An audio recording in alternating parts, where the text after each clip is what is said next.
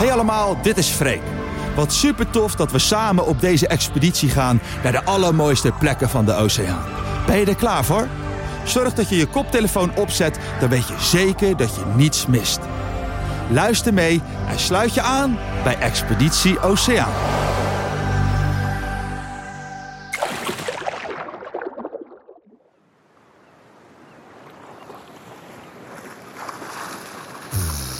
Even mijn snorkel afdoen. Wat is het hier mooi. Ik zwem boven een mysterieuze wereld. Hierboven zie ik er niet veel van, maar als ik onder water duik... ben ik ineens in een wereld vol schaduwen en prachtig licht. Het is dan alsof ik boven een echt bos zweef. Het lijkt wel een droom. Dit is een kelpwoud. En kelp is geen echte plant met wortels en bladeren, maar het lijkt er wel een beetje op. Kelp is een soort alg, een zeewier.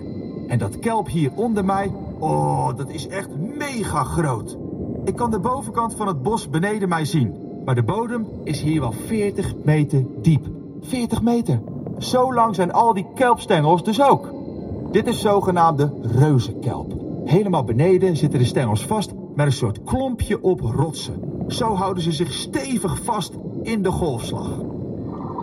En als de watertemperatuur goed is en het zeewater is helder, dan kan reuzenkelp wel met een halve meter per dag groeien. Holy moly.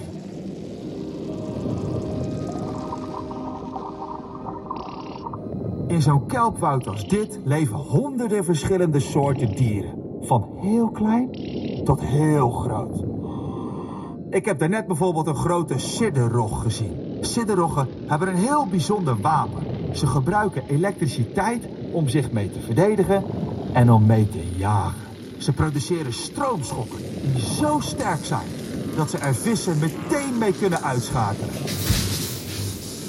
Ik kwam er dus ook maar niet te dichtbij in de buurt.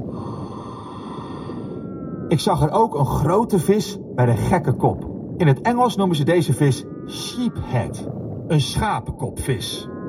Deze vissen eten veel van die paarse zeeegels die in kelpwouden leven. En dat is maar goed ook. Want als er te veel van die levende speldenkussens in een kelpwoud zijn, maken die alle reuzenkelp kapot. Ze schuifelen over de rotsen op de zeebodem en bijten de kelpstengels aan de basis door. De rest drijft gewoon weg. Super zonde.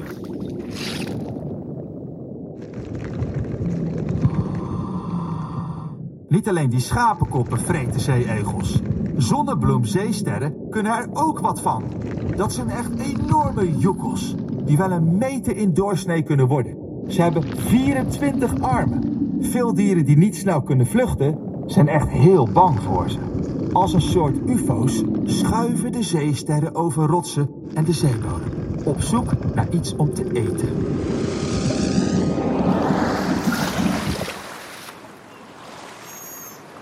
Maar hier komen natuurlijk ook schattige, pluizige dieren voor.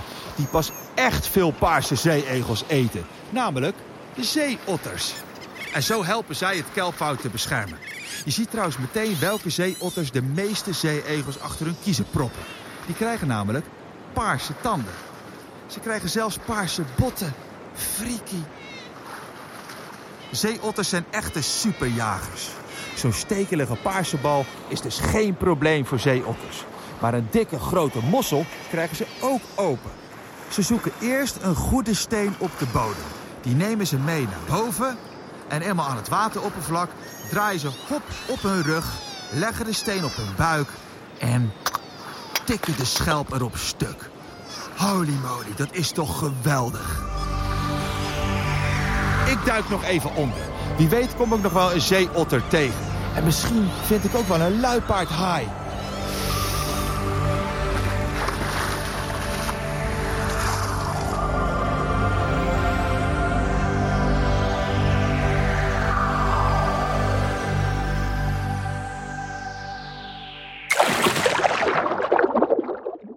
Ben je klaar voor de volgende ontdekkingsreis? Mooi, want er is nog heel veel meer te ontdekken met Expeditie Oceaan van Albert Heijn.